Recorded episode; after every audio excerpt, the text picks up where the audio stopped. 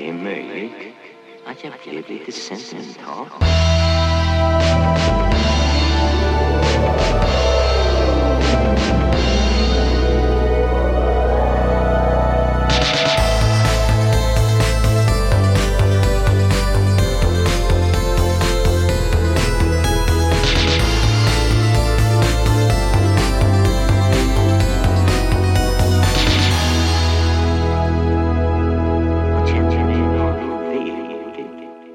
Okej, men skål och välkomna till Övre Nedre Slott.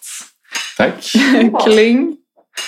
Ehm, lite specialare för att vi har med oss en, en gäst idag Mm. för första gången. Stort. Ehm, vad heter du? Axel Burenius heter jag. Och du har precis debuterat Mm. med en bok. Yes, precis. Ehm, och det kanske jag ska säga då att vi känner ju varandra sen vi gick på Biskops Arne tillsammans. Ja, exakt. Eh, och jag vet inte, vi var ju vi var inte så supernära vänner när vi gick där. Nej, vi började väl hänga kanske typ uh, tre, fyra år efter tror jag. Eller, Ja, inte så länge, jag vet inte. Jag, kom, jag, hade, jag bodde i Rumänien under två år efter Biskops-Arne och typ skrev på heltid. Och sen kom jag tillbaka till Sverige och då tror jag att vi började hänga Ja, lite mer. ja, så kan det utveckla sig. Mm, ja? Men vi har inte träffats alls. Nej. Så det är lite det är kul. Det blir någon sorts så här... eh, Det, det, det Mm. kanske blir någon sorts nerv i det ändå när det är liksom två gamla vänner och eh, Mm, en säkert. liksom... Det kan man tänka sig. Ja, Vi får se om det, om det flyger. ja vi får se. Eh, men jag tänkte bara säga det, eh, alltså jag kommer ihåg när vi gick på Biskops Arne, Mm. eh, att jag kommer ihåg dig som så här otroligt disciplinerad Ja, och liksom Mm. absolut. Var det något som du hade liksom... Eller är du bara så? Eller var Eh, det... ja, alltså inte med, det är bara med skrivandet. Mm. Och det är många andra, det var, jag faktiskt, det var någon som frågade det tror jag i intervjun som jag hade igår på Instagram. Eh, typ så här, ja, men hur du skriver och så vidare. Och ehm, alltså jag planerar inte det jag skriver utan jag sitter och skriver typ hela tiden ungefär och sen måste jag, liksom, jag måste skärpa mig för att lägga av med det och liksom börja liksom leva min tillvaro typ. Så ofta är det som händer att jag liksom jag skriver typ, eller tänker att jag skriver, ska skriva typ en eller två timmar på morgonen och sen är klockan typ två, tre och jag tänker ja vad fan nu har jag liksom redan slösat bort hela dagen på det här, jag kan bara fortsätta med det för jag kommer inte gå in till kontoret och göra liksom, riktigt arbete. Så det är snar- snarare så att jag måste skärpa till mig för att inte skriva liksom. Ja, men det är beundransvärt. Ja men verkligen. Det är ingen liksom... eh, Det, det är ingen kamp för att få ihop liksom ett visst antal ord per dag. Låter det Nej det är det inte. Det är, det inte. Alltså, det är en kamp för, för att det ska bli bra naturligtvis. Och det är ju alltså av liksom 99 olika liksom, idéer och spår som jag testar så är det kanske ett som funkar. Liksom. Ja. Så det, kan det är ju svårt naturligtvis att skriva och eh, det, kan, ja, det är frustrerande ofta när, liksom, när det inte blir bra eller man känner att, liksom, att energin för texten försvinner och man börjar om på någonting nytt. Mm. Och så, så det är ju svårt men just, liksom, just att, liksom, att sitta och skriva det tycker jag inte, det tycker jag inte är svårt. Nej. Men sen alltså, jag brukar sitta på min säng och skriva faktiskt. Och sen har jag en massa böcker omkring mig. Så ofta när jag, sitter, när jag skriver inom situationstecken då kan det ofta vara att jag sitter och bläddrar i andra böcker liksom så här, i, Mm. och sen typ skriver en mening här och där. Ja. Och det är, så här, det är så enormt skönt tillstånd. Liksom. Eh, men sen leder ju ofta det till att, ja, till att det blir ändå ganska mycket text. Liksom. Så. Eh, Men kan du inte Ja. berätta vad du annars gör om dagarna? Ja, annars eh, om dagarna så skriver jag en avhandling om Svetlana Alexievich på ett universitet i Nottingham i Storbritannien. Mm. Så det är liksom, eh, ja men alltså om man ska jämföra med något, liksom, någonting i ett svenskt sammanhang så är det väl litteraturvetenskap typ. Mm. Men i England så har man, eller i Storbritannien så har man inte, man har inte litteraturvetenskap utan man läser antingen typ eh, ryska eller franska eller tyska eller engelska. Och sen är det liksom fokus på en, ja, ett speciellt språkområde, en speciell kultur och sen kan man liksom inrikta sig på litteratur inom det. Så en av mina handledare till exempel hon, hon forskar om eh, typ sens, nej, postsovjetisk eh, rockmusik. Jaha. Så hon har inte, ingenting med litteratur att göra. Alltså hon kan ju ganska mycket om litteratur och så. Och sen den andra handledaren hon är eh, super inne på litteratur. Hon skriver om eh, Nabokov. Ja. Ja. Mm. Men spännande. Mm. Men hur trivs du i... Det är ju Nottingham du är i. Ja, Ja. exakt. Hur är det att vara där? Eh, alltså det börjar bli segt nu. Alltså jag, jag har varit där ganska länge och det är en ganska liten stad och så. Och man tröttnar och så. Det alltså, när man liksom i ett studentsammanhang så börjar man bli vänner med folk som flyttar dit för att studera eller för att skriva en avhandling eller någonting och de flyttar därifrån förr eller Ja. senare. Så det är ganska det är liksom så här lite, lite avbefolkning som i, liksom i mina sociala Är det kretsar. så? Ja. Men det är ju, så har det ju varit lite för oss också. Ja, jo det får man väl ändå säga. Mm. Det var ju typ så vi hittade varandra. För att alla andra hade flyttat ja, härifrån. nu var det mina två som blev kvar. Ja, men typ. Okej. Ja, men lite så. Ja, jag fattar. Men hur många bor i Nottingham? Eh, ja, nu är det Det är ju... kanske är en tråkig fråga. Men Nej, men nu är det fyra år. Fyra år har jag bott där nu. Nej, eller ja, det är också intressant. Men hur många är det som bor? Alltså hur stor? Jaha, typ 300 000. Okej, ja men då är det ändå lite större än Uppsala tror jag. Men det är kanske litet med så här, engelska mått typ. Hur många bor det här? 200 000 typ. Jaha. Ja, alltså det finns ju massa, eller jag vet, det finns ju en massa så här små brittiska småstäder liksom, eh, med typ så många invånare. Ja. Där man liksom har så här typ, ja, ni vet typ en neogotisk kyrka i centrum, en massa pubbar där omkring Ja. och sen liksom så bara liksom gata efter gata med identiska tegelhus. Ja. Liksom. Eh, så nej, men jag tror att det, det finns en annan stad som heter Leicester som ligger typ 20 minuter därifrån. Och den är typ exakt lika stor. Mm. Derby, en annan stad som ingen har hört talas om.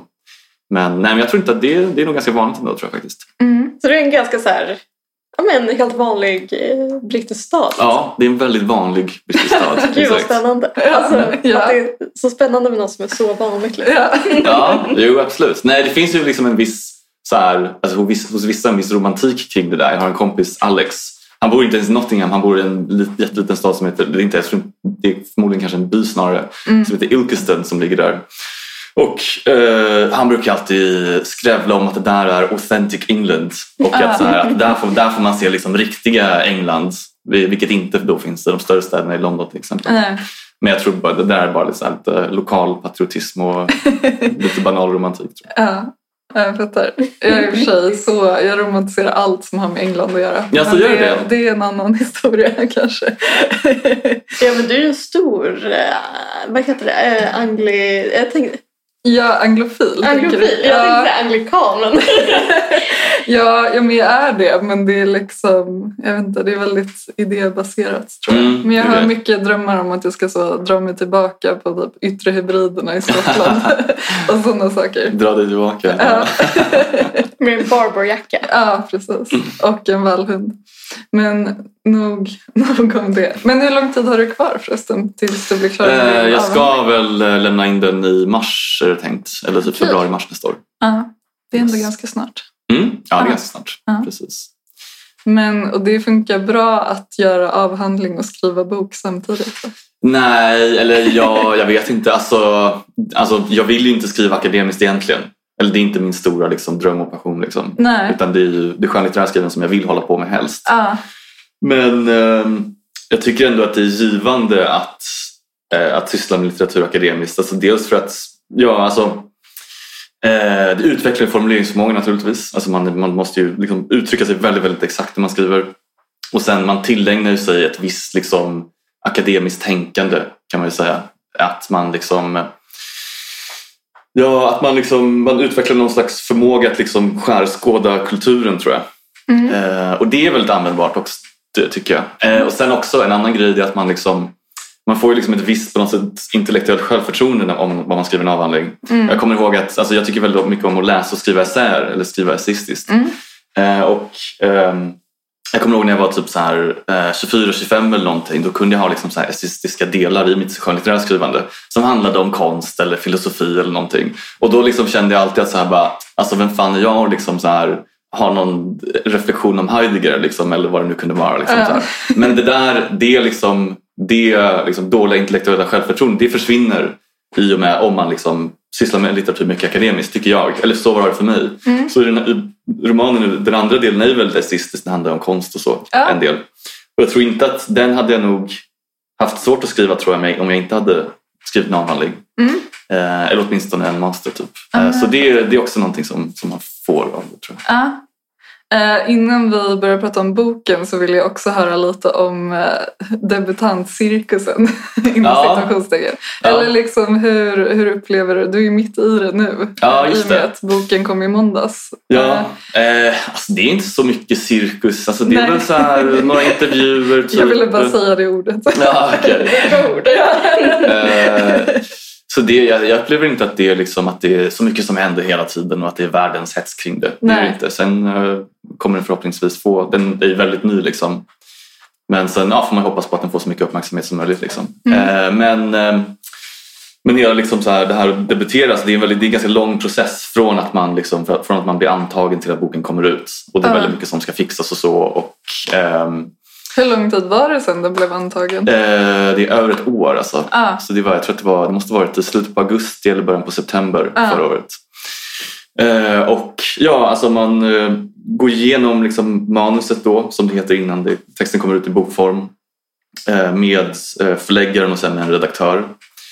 Eh, ja, och sen är det en massa andra grejer som ska fixas. Så liksom, texten blir mycket bättre också under det året. Och både min förläggare och min redaktör, jag tycker liksom att de är extremt liksom skarpa och kompetenta läsare. De kan verkligen säga att men det här måste bli, utökas lite och här kan du skriva om, här kan det bli lite bättre. mm. Så, den, så manuset blir väldigt mycket bättre under det, under det året. Och det är, det är väldigt kul. Liksom. Mm. Mm, verkligen. Mm. Eh, men har det varit någon, uh, något tv-framträdande Ja, eller just det. någonting? Det vill du prata om, ja. Nej, precis. Nej, men jag skulle vara med på, eller min uh, medieansvariga lyckades få in mig på TV4 Nyhetsmorgon. Ja. eh, vilket är jättebra. Liksom. Det är, de har jättemånga tittare och så. Det blir mycket upp- uppmärksamhet kring boken och så. Så det var jättebra av henne. Liksom, så här. Och sen, eh, så den intervjun skulle ha varit då i eh, söndags och sen i tors, eh, för torsdagen innan det så hade jag en, en eh, förintervju per telefon. Och ja, studiointervjun liksom baserad på det samtalet. Eh, Så jag hade den på, typ på förmiddagen eller någonting, det här samtalet. Jag tyckte, ah, fan vi hade ett bra samtal. Liksom, så här. Och sen några, några timmar senare får jag ett mejl där det står att efter den här förintervjun så känner vi tyvärr att vi måste avboka studiointervjun på, på söndag. Ja. Eh, ja, så det blev inte av. Så Men jag, varför? Alltså, de, alltså deras feedback var att, typ, att det var för mycket teori för lite känslor. Eh, så, men, alltså, men jag, liksom, jag, tycker, jag tyckte liksom, under förintervjun att, jag- att jag pratade liksom uppriktigt om min privata, upp- min personliga upplevelse. Ja, det det var de- ändå så? Ja, ja, absolut. Men sen tror jag liksom att i varje fråga som de ställde så, så svävade jag hela tiden tillbaka mot skrivandet. Mm. För det liksom var liksom det för mig mest väsentliga. Eh, medan de eh, är mer, ja, som sagt, de är mer intresserade av, av den personliga upplevelsen. Och det kan man ju förstå, det är liksom en kommers- kommersiell kanal och så.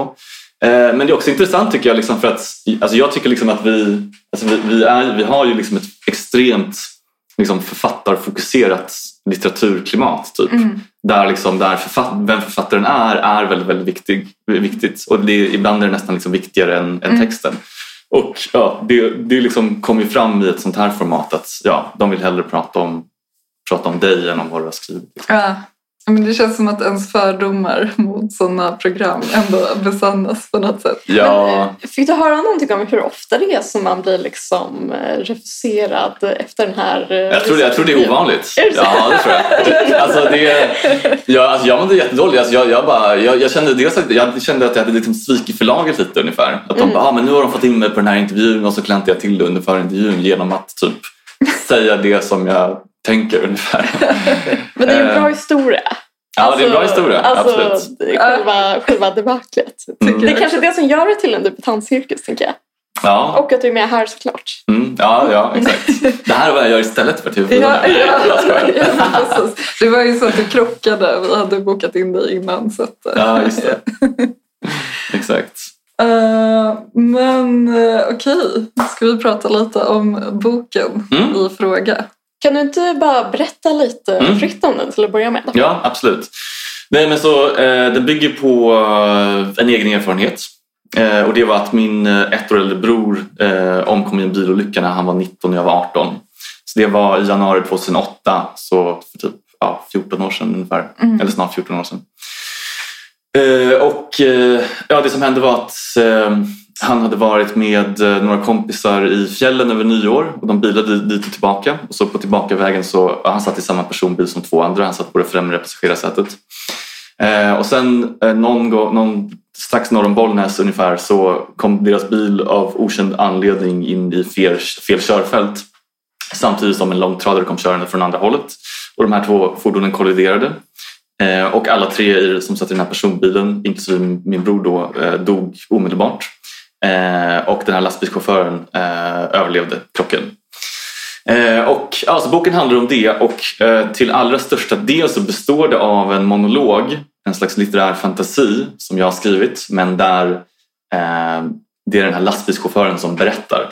Så jag, utifrån det jag vet om honom så har jag försökt att eh, föreställa mig hans upplevelse. Eh, så Ja, den monologen börjar då han... För allt jag vet om honom det är väldigt, väldigt, väldigt lite liksom. Och det, det är bara sånt som stod i eh, den här förundersökningen som de alltid inleder efter en sån här eh, olycka. Och det, som, det var två korta notiser i kvällstidningar också. Och det jag vet var typ eh, att, han, eh, ja, att han var fysiskt oskadd men väldigt chockad. Att han förhördes av polisen. Att han sen tillbringade natten på eh, ett hotell i, där i Bollnäs och sen var det någon som körde hem honom eh, dagen efter. Eh, så den här monologen den börjar när han, han befinner sig på sitt hotellrum och han försöker dra sig till minnes själva eh, händelseförloppet kring olyckan. Eh, och eh, efter det så, och han, han försöker också liksom föres, han, han undrar liksom vilka det var som satt i bilen, vad de kan ha upplevt i dödsögonblicket och så. Eh, och ja, sen, börjar, sen funderar han också på sitt eget liv och på, ja, på, liksom, på döden och på livet och tid och minne och så vidare. Mm. Eh, så jag har liksom lyckats på något sätt, eller försökt liksom skriva in mina egna tankar och känslor liksom, genom att föreställa mig en annan karaktär. Liksom. Mm. Eh, så, det, så det är liksom den, stora, liksom den största delen av det. Men sen finns det också en inledande eh, essayistisk del där eh, då författarjaget pratar om sin egen upplevelse och om sin bror och om liksom, ja, eh, mycket döden och den döda kroppen och hur döden avbildas i konsten och så vidare. Så ja, det är, i korta ordalag är det så den ser ut. Liksom. Väl rutet. Ja, tack. Jag blev nyfiken, för det är ju den här eh, lastbilschauffören som sagt. Har, Mm. Nu när boken ska ges ut och sådär, har ni varit i kontakt med honom på något sätt? Eller? Nej, det har vi inte. Så Nej. jag antar att namnet är fiktivt. Det var en sån jättebanal fråga. Som Eh, eller du kanske inte... jag behöver nog inte svara på det tror jag. Men alltså, den här lastbilschauffören som var med om det här, han, eh, han bor inte i Sverige och Okej. pratar inte svenska antar jag. Jag ska inte Aha. säga vilket land han kommer ifrån men det är inget av de nordiska liksom, Jag grannländerna heller. Ah, Så liksom, med all sannolikhet kommer han aldrig att ens veta liksom, att den här boken finns. Ehm, så ja, så det är någonting som, har, liksom, som jag har tänkt på. Så. Ehm, eh, men ja, nej men så, ja, nej, men så jag har aldrig, jag har aldrig liksom känt någon ehm, önskan om att söka upp honom och prata med honom. Därför att alltså, eh, liksom, om jag skulle göra det eh, så skulle liksom, det skrivna skulle bli mer av en journalistisk rapport typ. Mm. Där liksom, alltså jag, jag skulle känna mig förpliktigad att bara återge det han säger. Och det skulle ju vara liksom litterärt helt ointressant därför att liksom den här olyckan skiljer sig inte från liksom, en massa andra olyckor. Liksom. Det är ju 500 personer varje år som dör i trafiken. Eh, och den här olyckan är ju inte liksom, unik eller exceptionell på något sätt och den har ju liksom inget, inget historiskt, ingen historisk betydelse och liksom knappt en, ens någon journalistisk betydelse. Så liksom att skriva någon slags liksom, så här, renodlad dokumentärbok om olyckan, det hade varit helt ointressant liksom, för mig. Mm. Eh, utan för mig handlar det snarare om, det är liksom, för mig liksom, liksom den här inlevelseakten att föreställa sig en, en annan persons upplevelse. För mig handlar litteratur väldigt mycket om det. Att liksom föreställa sig en annan persons perspektiv.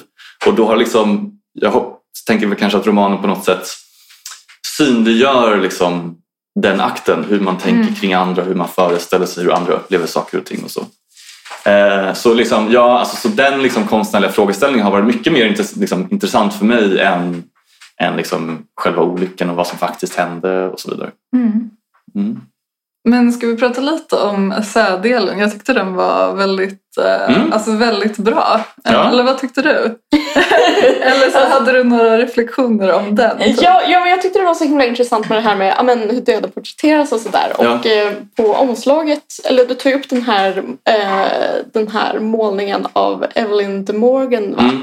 Jag tyckte det var så himla eh, otippat att eh, den dök upp. För, Alltså det, det känns som en superobskyr konstnär och det känns inte som att Ja. det är så här, någon som bryr sig om eh, henne. Ah. Eh, Alltså, ja. Och du är, inte, du är inte helt okritisk till henne heller. Men jag tyckte bara att det var Nej. så här, kul och otippat. Liksom. Ja. Eh, hur, hur hamnade du där och eh, vad, vad är dina liksom, tankar Eh, kring det? Ja, det är en bra fråga. Alltså, ehm, alltså för, mig, för mig faller det sig väldigt naturligt att liksom prata om liksom mänskliga erfarenheter och skriva mänskliga erfarenheter via liksom annan konst och litteratur. Mm. Och jag tror att för mig har det helt enkelt att göra med liksom att vi lever i liksom den postmoderna eller liksom i, efter, efter liksom postmodernismen. Där liksom så mycket har skrivits och så mycket har liksom målats och filmer och så vidare. Liksom allt har på något sätt liksom sagts. Så då liksom är det väldigt naturligt för mig att liksom inkorporera det där i sitt eget skrivande.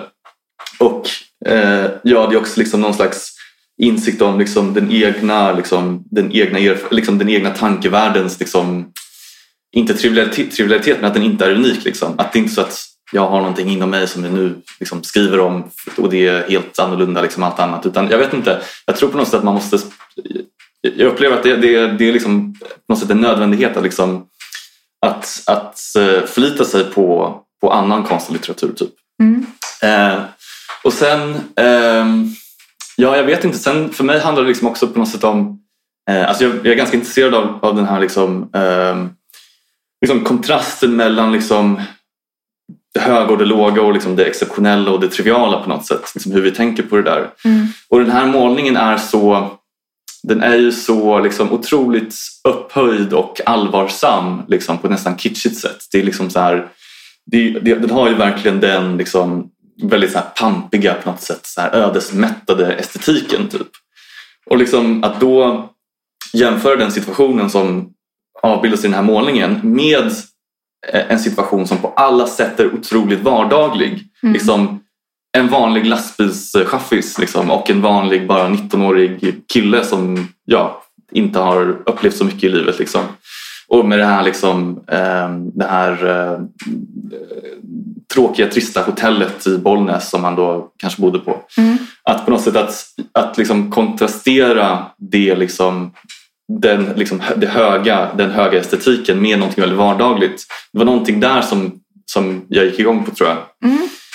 Ehm, ja, För en sak som jag tyckte var väldigt intressant som du, liksom när du reflekterar om typ varför du skriver det här och Mm. hur du skriver eh, så skrev du på något ställe ungefär det är det vardagliga som det verkliga dramat utspelar sig. ja just Eh, det. och jag kom verkligen att tänka på alltså dels Alexievich då, Mm. eh, som du skriver om. Ja. Eh, det är ju verkligen, tänker jag, på något sätt hennes sätt att liksom beskriva ett historiskt skeende. Mm. Att liksom, det är vardagliga Ja. berättelser. Jag kommer även att tänka på Tolstoj, när, för både jag och Moa läste ju den här krig och fred-kursen en Mm. gång i tiden. Och då handlade det ju mycket om liksom hans sätt att skriva historia. Att han Mm. också tyckte att liksom, ja, men det är de små händelserna Mm. som, eh, som ja, livet sker och Mm. liksom, historien sker. Ja, men hur man skildrar Napoleonkriget genom typ ett så här klibbigt handtag. Ja. Mycket Ja. liksom Ja. reflektion- reflektioner Så? Kan man gissa då att du är lite inspirerad kanske?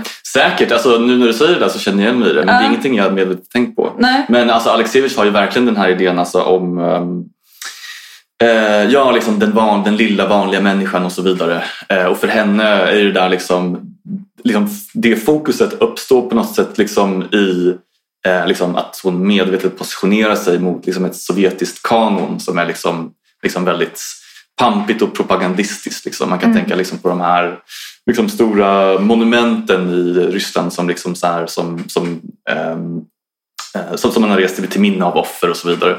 Och då liksom att, att, att, eh, att lägga sig på, ja, på en väldigt vardaglig nivå, det är, liksom, ja, det är en väldigt stor, liksom, stor tanke hos henne. Eh, Men ja, absolut, alltså, jag tycker att det, alltså, jag tycker liksom att så här, för mig finns det liksom ingenting utöver det individuella. Jag tänker liksom Nej. att, så här, att det enda liksom, alltså, den mänskliga erfarenheten den gestaltar sig på den nivån, så är det bara för mig. Liksom. Alltså, det finns ju bara en person som, eh, som känner och tänker saker. Och liksom alla, om, alla liksom större sammanhang som man, försöker, som man försöker upprätta, liksom alla liksom, akademiska eller liksom ideologiska liksom begrepp som man fäster vid saker och ting. Alltså allt det är ju bara liksom, kon- konstruktioner för mig. Mm. Eh, så jag tänker liksom att ja, liksom, det är liksom det lilla och det individuella, det är, för mig är det mycket, mycket sannare på något sätt. Mm. Och jag tror också det är därför liksom som jag, jag tror att det ligger väldigt djupt hos mig. Och eh, jag tror att, eh, alltså, ja, Svetlana har varit jätteviktig för mig och eh, Tolstoj också. Ja. Men också liksom, så typ en författare som Peter Nadas till exempel. Som alltid liksom uppehåller sig väldigt länge i liksom ett, ett, ett enda ganska vardagligt skeende. Eller Jon Fosse typ, som är superviktig. Eh, eller som, jag tror verkligen liksom att han har påverkat min prosa väldigt mycket. Eh, ja, och jag, jag, och jag tror också att det är därför jag, som, som, liksom, boken insisterar på att, att man ska följa den här enda personens perspektiv liksom från ja, men typ klockan sex på kvällen till klockan tre på morgonen ungefär. Mm. Eh, och att man, man måste bli kvar där. Liksom. Ja.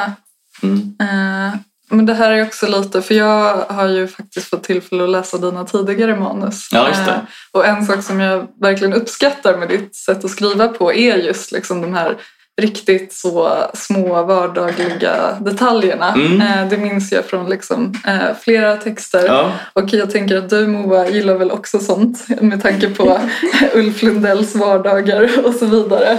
Ja men absolut. Eller det är, väl Ja. det, det är väl också liksom, det hör väl på något sätt så här, eh, romanformen till tänker jag ganska mycket. Och Mm. liksom ge, ge liv åt de här väldigt så triviala, eller kan vara triviala, men gör det så här allmänmänskligt på något sätt. Mm. Ja. det är väl liksom, Men det är väl inte roman... alla som lyckas med det dock, vill jag. Nej men, men jag menar det är, väl liksom, det är väl liksom romanformen när det är som bäst tänker jag. Ja. Mm. ja, precis. Ehm, Men du har inte skrivit in några andra, alltså du har inte, du har inte några planer på att skriva så här dramatik eller?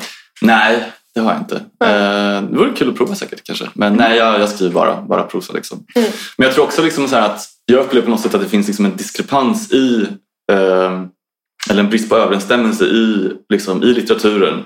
Att den handlar ju så, den handlar ju så mycket om liksom, det som är spännande och det som är exceptionellt. Liksom. Det är alltid liksom så här, ofta ett mord liksom, eller en resa eller att någon dör eller liksom, vad det nu kan vara. Så här. En äventyrsroman liksom. vad sa du? En äventyrsroman. Alltså Ja, typ. Eller, alltså, det är alltid någonting. Det är alltid någonting eh, alltså, en text börjar ju ofta, och det är ju min text också i och för sig, men att liksom, en text börjar ju ofta i och med att liksom, någonting väldigt viktigt händer karaktären. Liksom. Det som bryter karaktärens vardag. Typ. Och liksom, medan liksom, hur vi lever våra liv, alltså bara rent liksom, så här, konkret och tidsmässigt, så består ju våra liv av motsatsen. Det består ju av liksom, så här, typ att stå och diska eller sitta på bussen till jobbet eller liksom, röka en cigarett eller typ dammsuga lägenheten. Liksom. Ja. Eh, jag känner igen mig. Ja, det är det. Ja. Och då, ja, liksom att det på något sätt är liksom, jag vet inte, underrepresenterat eller outforskat. Och liksom att så här, när man väljer att fokusera på de här liksom, väldigt dramatiska skeendena med många karaktärer och det händer mycket och så vidare. Att det, liksom, det är på något sätt osant i förhållande till liksom, den ja, liksom, relativa trivialitet där vi alla lever. Liksom, skulle jag säga. Eller ja, jag tänker lite på det så. Ja. Jag tänker på en bok som, jag tror, det är en etnologisk studie tror jag, som heter så här, När ingenting händer tror jag. Jag kommer inte ihåg Mm. vad författaren heter men det känns som, ja, men det är verkligen sant det där med de här liksom outnyttjade stunderna. Alltså det som bara en dag består av men också liksom hur det representeras eller inte Mm. representeras i Ja. romanen. Liksom. Mm. Nej, exakt. Men samtidigt så, det är ju ett väldigt, eller så här, även om det kan vara, alltså det kanske kan kännas så här trivialt med så här, ett hotell i Bollnäs men det är ändå en väldigt så här, alltså det börjar ju ändå i ett väldigt dramatiskt Ja, det gör det. Det gör det. Det går inte att komma ifrån. Och jag tror liksom att eh, jag tror att det där, om man vill komma åt eh, liksom, det som är väsentligt med, med det där vardagliga. Det går liksom inte bara att börja skriva om det. Alltså bara, ja det är någon som står och diskar liksom.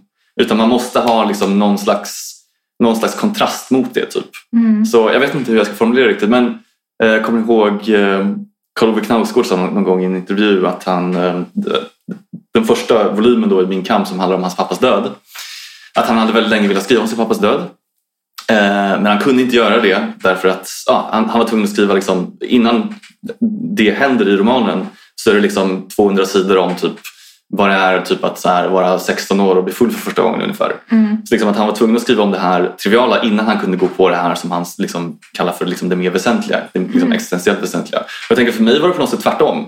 Att för att kunna komma åt liksom det vardagliga i vars den här lastbilschaufförens liksom, ehm, liksom vardagliga drama så var jag tvungen att liksom, det, det måste finnas en kontrast mot någonting, Mm. eh, någonting, någonting mer dramatiskt i början. Liksom. Ja. Ehm, Ja. Um, jag, alltså, förlåt, jag känner att jag bara ställer frågor om så skrivprocessen. Men, Ja, men men vi, du får får, vi får komma in mer på själva texten. Men jag, jag blev så fascinerad för att jag tänkte eh, just eftersom jag också har så här, en familjemedlem som har gått bort. Ja. Eh, och då har jag tänkt mycket på, för jag har väl försökt skriva om det tusen gånger. Liksom. Mm. Men just hur man gör för att Alltså jag tycker att du lyckas med det väldigt väl. Mm, Men just att så här, inte liksom idolisera eller liksom höja upp Mm. typ en död person. Alltså, som jag tänker också framförallt en familjemedlem. Liksom. Ja. Hur man lyckas med det. För jag tänker bara det är någonting som jag ofta så här, tampas med. Att Mm. liksom, kanske både i skrivande och, och i livet. Liksom. Ja, precis.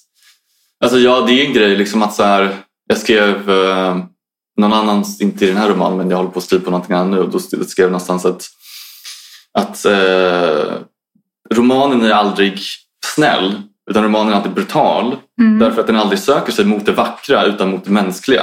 Och det mänskliga är ju alltid, det är inte, det är inte fult men det är inte vackert heller. Liksom. Och det där, ja, finns ju, liksom, om man skriver om sig själv så kan det finnas en ovilja att visa upp det. Liksom. Och om man skriver om andra också. Liksom. Eh, och särskilt då om det är någon som är död. För det finns ju liksom en hel eh, liksom, eh, liksom kultur eller liksom en, liksom en social, ett, liksom ett socialt liksom förfarande kring liksom hur man pratar om och minns en död person. Mm. Alltså om man tänker till exempel på så minnesböcker som ligger uppe på begravningar. Där är ju den döde alltid liksom så här en vacker blomma och en genomsnädd person. Liksom. Ja. Eh, och det där, jag tänkte ganska mycket på det där när jag skrev liksom, att jag på något sätt att jag positionerar min egen skildring mot liksom, de här populärkulturella klichéerna som finns, de här lättillgängliga fraserna som finns om, som man liksom alltid säger och producerar om, om den döde. Liksom. Eh, och jag tänker väl liksom att, att de där, de, de där liksom klichéfraserna, de är ju de är snälla naturligtvis, men de, alltså de avindividualiserar också den döde. Att Ja. Det är alltid samma. Liksom. Eh, Jag kommer ihåg, det var en grej som jag tänkte på. Jag har tänkt på det länge nu eh, när du sa det här. Ja. Nej, men det, det finns en dokumentär av Werner Herzog, du vet den här tyska regissören som heter eh, ja, eh, den heter Into the Abyss och det handlar om ja, Känner ni till honom? Nej eller? men, ja, men jag tänkte om det var den här dokumentären där, som heter så här, Min bästa ovän eller någonting. om Ja, som han har gjort den. Ja, han har gjort den. Exakt, eh, precis, exakt. De jobbade ju tillsammans väldigt mycket. Ja, och sen gjorde jag tänkte där. om det var den. Men det här är någon. Nej, han, har- han har gjort jättemånga dok- dokumentärer faktiskt. Men Mm. den, här den här handlar om dödsstraffet i USA helt enkelt. Mhm. Och då han intervjuar någon som ska, som ska avrättas då om några dagar för någon mord. Eh, och sen intervjuar han de anhöriga till olika personer som har blivit mördade. Okej. Och de här anhöriga, de känner inte varandra och de är anhöriga till personer som inte känner varandra.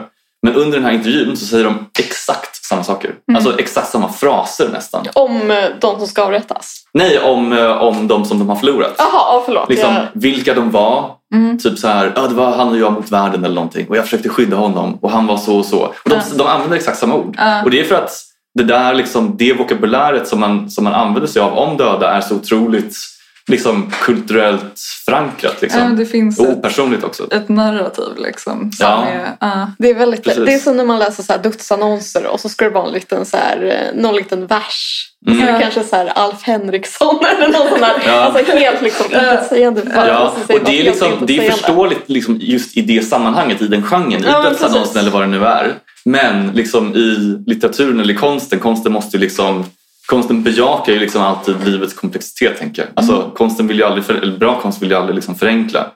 Nej, men, Ehm. Jag tänker liksom just på en sån scen som du tar in när han liksom klipper typ tånaglarna i soffan. Ja, just sånt det. där. Alltså jag bara såhär, ja.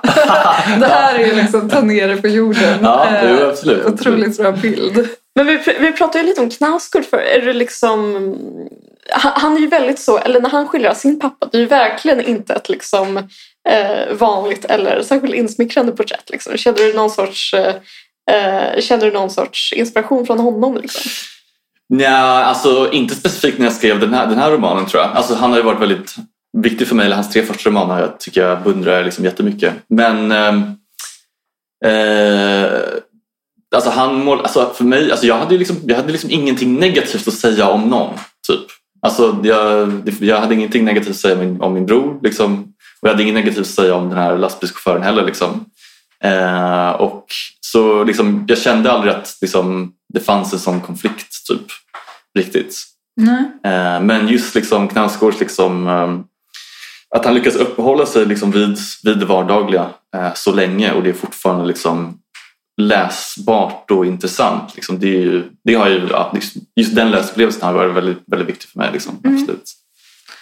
Han är också väldigt bra på, liksom, eller förlåt, jag ska inte bara prata om Knausgård, men han är också, alltså, han, han kombinerar ju också det essayistiska som du också Ja, det är sant. Det är sant. Ja, absolut. Fan. Alltså, jag har typ nästan bör- börjat frigöra mig från liksom, hans inflytande. Ja. För jag har försökt skriva självbiografiskt själv men jag kan inte göra det. Alltså, det, det blir inte bra. Jag vet inte varför. Nej. Men jag tror också att, jag tror att det kan vara för att jag liksom beundrar min kamp alldeles för mycket.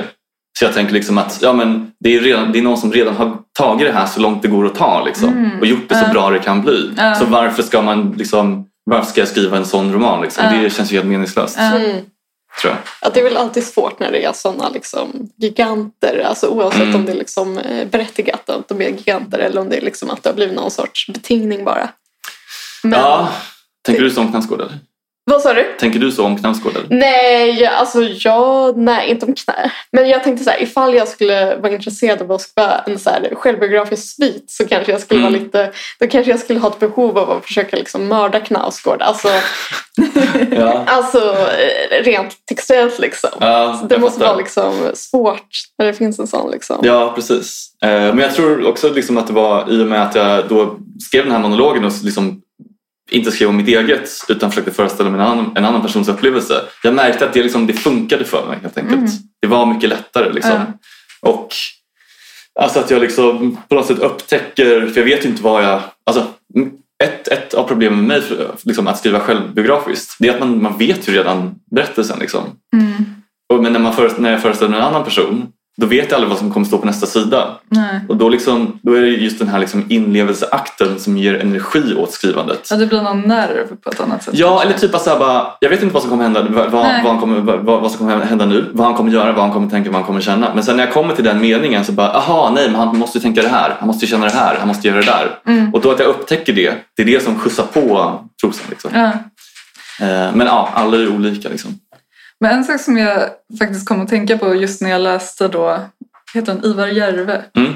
Jag tänkte det var Järpe, men Järve. Ja, det är många som faktiskt säger fel på det. Eh, nej men att så här, um, ehm, ja, men det är ju en så här otroligt liksom, tät inre monolog. Eh, Ja. Men just på något sätt att han befinner sig i Bollnäs och Mm. att det är det här otroligt liksom vardagliga och så här, han går till en bensinmack och Mm. eh, köper vantar eller Mm. vad det är. Eh, så kommer jag att tänka på att så här, för det finns ju, det är ju nästan som en trend just nu att skriva liksom så här socialrealistiskt om Norrland. Eh, och jag, tyckte, jag tyckte bara det var liksom, för jag tror inte att det är kanske en typ av litteratur som du eh, liksom eh, läser och inspireras av bara utifrån förutfattade meningar. Men jag tänker typ så här Karin Smirnoff, eh, liksom alla de Ah. böckerna som är liksom, jag vet inte, det, det, det kanske var en så omedveten liksom trendkänsla som bara så uppenbarade sig i och Ja. han är ju då från Stockholm men just, just typ det. att han befinner sig i ett så här litet samhälle och Ja. det är så här vinter, det är så här kargt. Eh, Ja. Jag vet inte, det var bara en tanke som slog mig. Ja, liksom. nej, jag, har inte, jag har inte läst Karin Smirnoff. det har jag inte Nej. gjort. Vissa Eh, norrlänningar skulle kanske inte kalla Bollnäs för Norrland. Vill Nej. jag bara säga. Ja, absolut. Okej, men ett litet samhälle menar jag kanske Mm. snarare än men alltså- Norrland. Men ni fattar vad jag, Jag, menar. jag, jag, jag, ville bara, jag ville bara föra diverse liksom, jämtarstalan. Ja, men vadå allt ovanför Gävle? Nej. Att ovanför Uppsala. ja, ja, precis. Vi är i Norrland nu.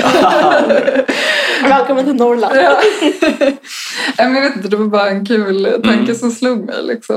Att det, Ja, men det är väl kanske naturligt när man läser, liksom, att när man läser och det är ju någonting som kritiker of, ofta gör också, liksom att, de, att man liksom ehm, man försöker identifiera likheter och så, Ja. tror jag. Det, jag tror att det, det är nog ganska naturligt. Men Mm. nej, jag inte läst, har inte läst den heller. Nej. Jag, jag tror inte jag är medveten om det här, den här trenden. nej, men då, du bor ju inte i Sverige heller. Så, Nej. Men det är, som bokhandlare så ser man den röda tråden. Ah, okej. Ja, jag kan tänka mig att göra Det det. är mycket Norrland. Ja, det är det? Ja, och mycket... Va, hur kommer det sig?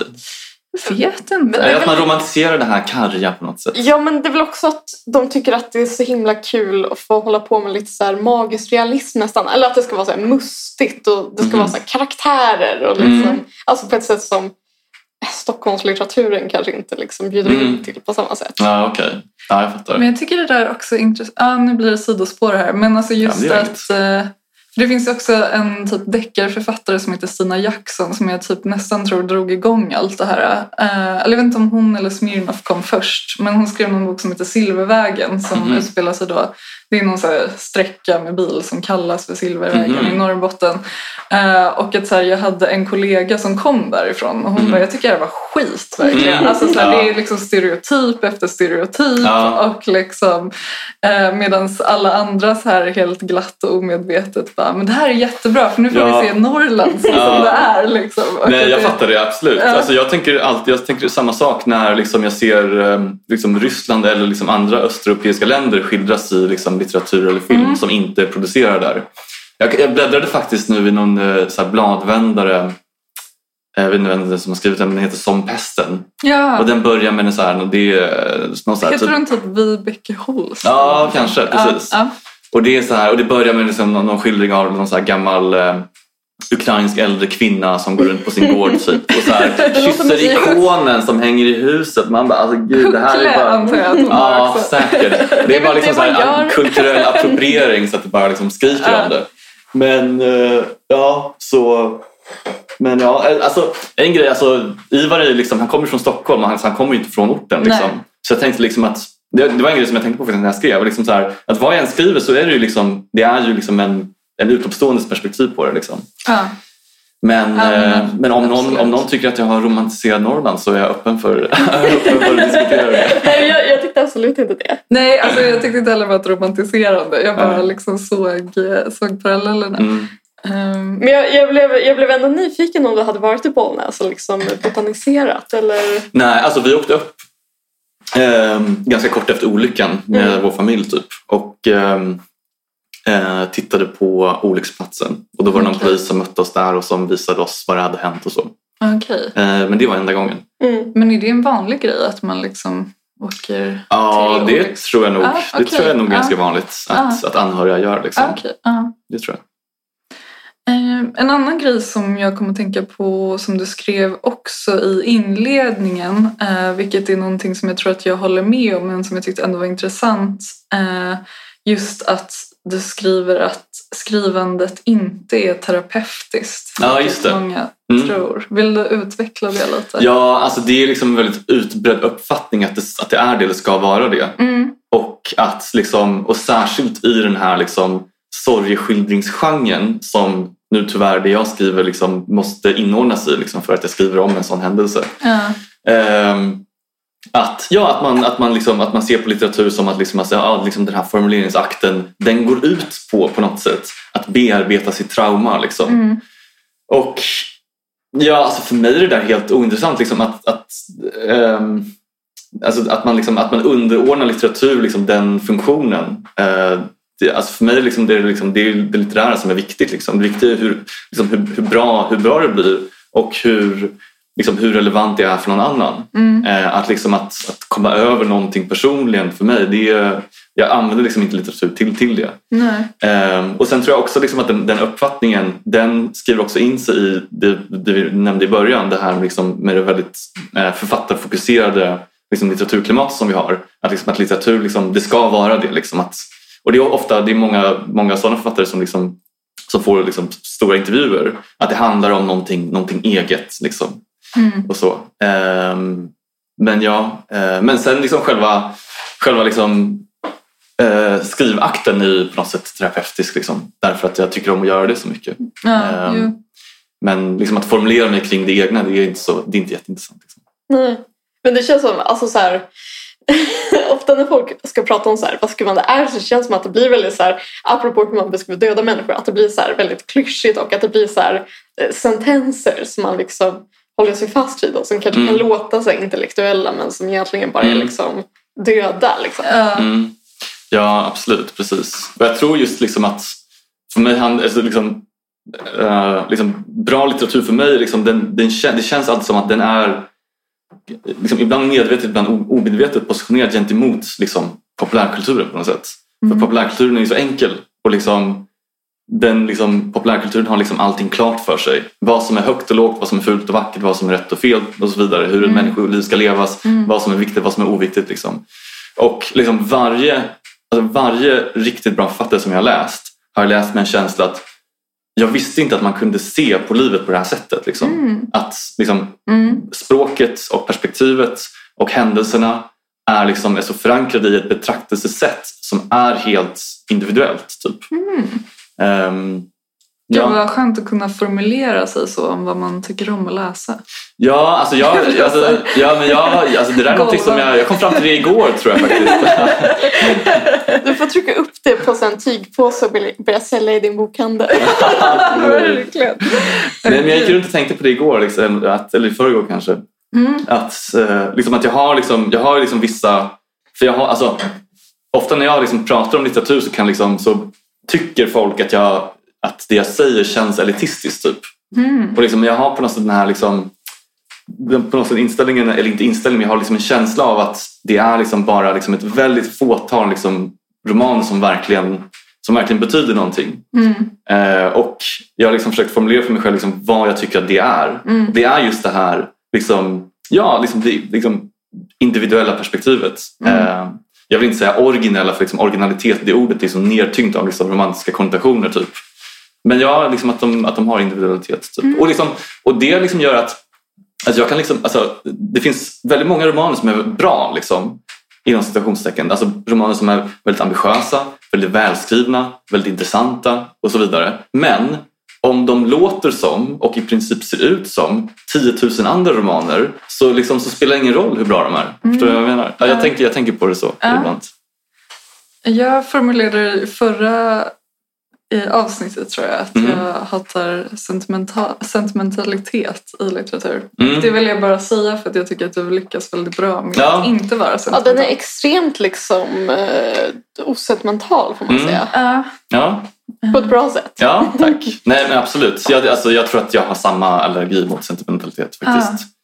Ehm, och jag tror liksom också att många så här Många liksom väldigt bra författare tycker jag som jag, som jag läser, de är, de, är liksom, de är på något sätt nästan lite hänsynslösa i sin, i sin eh, precision. Liksom. Att man, jag läser liksom vissa meningar som liksom så otroligt liksom välformulerat och sant liksom uttrycker någon aspekt liksom av vad det är att vara människa. Liksom att så här, ja, om det nu är avundsjuka eller liksom äckel eller eh, kärlek eller vad som helst. Liksom. Och i det där liksom att försöka Ja, att, att, liksom, att röra sig mot den exaktheten. Det finns någonting, ja, det finns någonting väldigt, väldigt brutalt med det. Liksom. Och jag tror att den, liksom, den brutaliteten den, den utesluter liksom all, all sentimentalitet. Eh, ja. Därmed inte sagt liksom, att det finns annan litteratur också liksom, som, som är ointressant eh, genom att det liksom, på något sätt försöker svartmåla ver- verkligheten. Jag tror att ni vet ungefär vad jag menar. Liksom, så här, romaner som liksom, så här, Eh, jag vet inte, som har den här liksom, på något sätt... Eh, det känns som att liksom, allt som står där, det står där för att ah, titta vad traumatiskt det här är och titta vad grått och svart. Liksom. Alltså, det är också på något sätt... Hashtag ett litet liv. Vad är det för någonting då? Eh, det är en, en sån middlebrow-roman som var Ja. väldigt populär för några år sedan. Eller fortfarande. Ja, jag vet inte. Eh. Vi, vi har pratat mycket om den. Ja, Ja. Så det ja, är men det är en sån eh, roman om en så här kille som utsätts för allt hemskt som någonsin kan hända. Typ, en Ah, människa. okej. Ja, Och men det, är det är lite liksom pojken som kallades det för kulturell medelklass. Typ. ja, att det-? Det är lite så här pojken som kallades det men för en kulturell medelklass. Liksom. Ah, okej. Känner du igen, det var en sån... När fan kom den? Alltså, Jag det tror var, den kom, så här, I alla fall på svenska tror jag den kom 2016. Mm. men det väl handlar om någon pojke som är inlåst i ett rum och har typ någon sån här psykopatmamma. Jaha, nu pratar vi om pojken som kallades det. Ah, ah, Ja, eh, ja, men Ja. det är väl någon 90-talsbok. Ja. antar jag. Mhm. Ehm, ja. Men skitsamma, det var bara ett Men jag tycker det, det känns, eller så här, eh, jag tycker det känns väldigt så här, uppfriskande att det känns så liksom, eller ta, ta det här på rätt sätt, men det känns, det känns liksom uppfriskande att du inte är så förankrad i liksom så här, typ litterära trender i Sverige och sådär. Alltså när vi pratar Ja, om. Norrlandslitteraturen Ja, och sådär. Ja, Att man känner så här typ, gud vad typ Gud vad typ classy och inte känna till Mhm. Karin Smirnoff. Ja, Ja, nej, jag, alltså, jag kände jag, jag skaffade, um, skaffade SvD-appen när jag blev antagen för att jag var, ja, men nu ska jag börja hänga med i, sam, i svensk samtidslitteratur. Liksom. Så jag, jag tycker det är intressant och så vidare.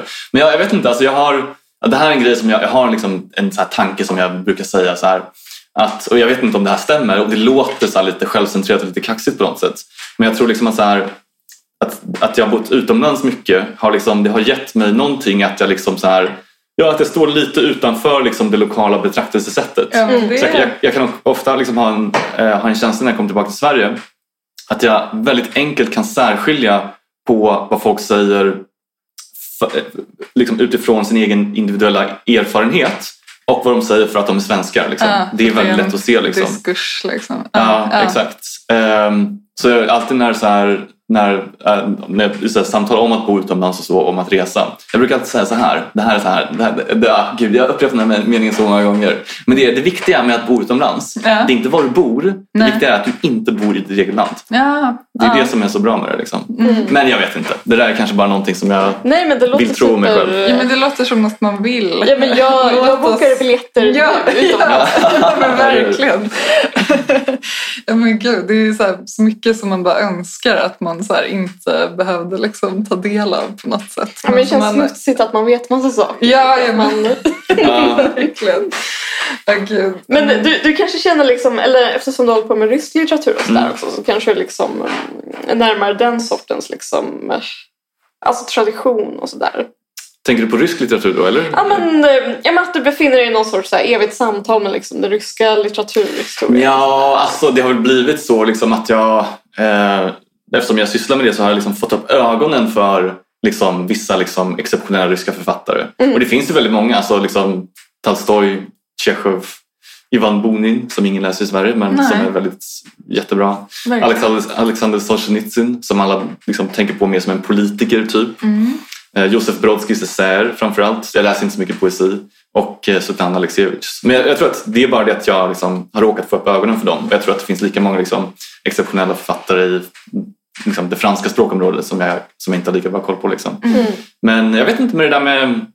Alltså för mig, jag tror att det finns... Det är märkligt att man har... För jag har kanske så här typ 30 författare som jag tycker är väldigt, väldigt bra.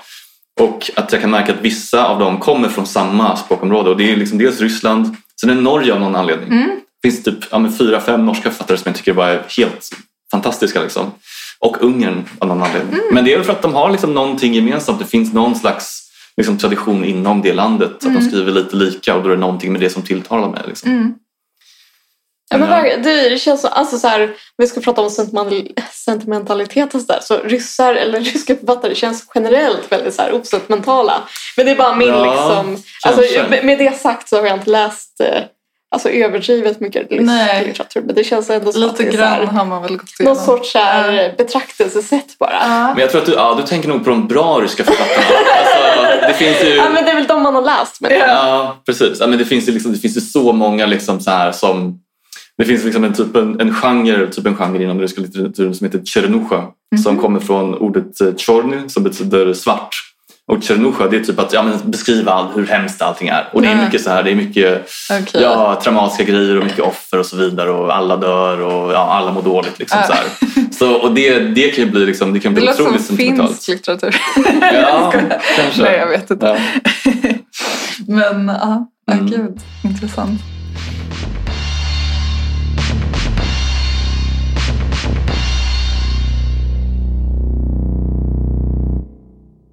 Kan inte du komma med ett boktips? Eh, ja, typ. Du har ju nämnt många i och för sig, men Ja, ett det. konkret. Eh, jag vet inte vad. Eh, ja, men, eh, Josef Brodskys essäer som jag nämnde. Eh, han, han, är, han, är, han är egentligen mest känd som poet. okej. Alltså Josef Brodsky han, han, han är en rysk-judisk författare som flydde till USA från Sovjetunionen 1974 eller någonting. Eh, och eh, började undervisa på universitet där och så vidare. Han, skrev alltid, han fortsatte, fortsatte att skriva, ryska på, eh, skriva poesi på ryska. Men när han skrev essäer skrev han dem på engelska. Och det är verkligen så här, de är helt otroligt liksom, tankeklara och välformulerade och liksom väsentliga och originella. Så det är liksom de bästa essäer jag någonsin har läst förmodligen. Så det kan Ja. bli ett tips. Ja, men det är ett skitbra tips. Mm. Ja. De heter, det är två böcker med essäer han har. Den ena heter eh, On Grief and Reason Mm. och så finns det en annan som heter uh, jag kommer inte ihåg Jag har bara läst den här eh, Venedig, The Stones of Venice va? Ja, precis. Exakt, just det. Ja, det är en hel bok om, om Venedig. ja. Exakt. Eh, ja, det är också ganska... Men det kanske, ja, ja, det är kanske ingen så här, eller den är väl kanske ingen renodlad essä men Nej, precis. liksom, Nej, men det är, det är väldigt essayistiskt skrivande, det är det naturligtvis. Precis. Ja, men det får bli det kanske. Ja, men fan vad kul att du var här Ja, och att jag tycker den här intervjun ändå flöt. ja, Jävligt Ja, bra. ja, ja, det tycker jag också. Så klapp. Jätteintressanta frågor. Klapp på axeln till oss alla. Eh, ja, men eh, tusen tack. Ja, tack så jättemycket för att Mm. du ville komma. Ja, tack själv. Tack själva. Tack för att jag fick komma hit. Det var jätteroligt faktiskt. Bra.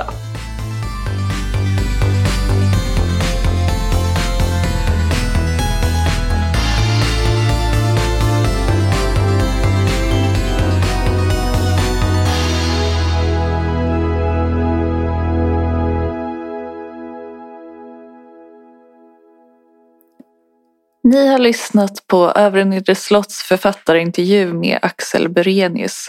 Och vi uppmanar såklart alla våra lyssnare att springa till er lokala bokhandel och köpa hans roman Dödsängel som är utgiven på Wahlström och Widstrand. Tack för att ni har lyssnat. Det är möjligt att jag blev lite sentimental.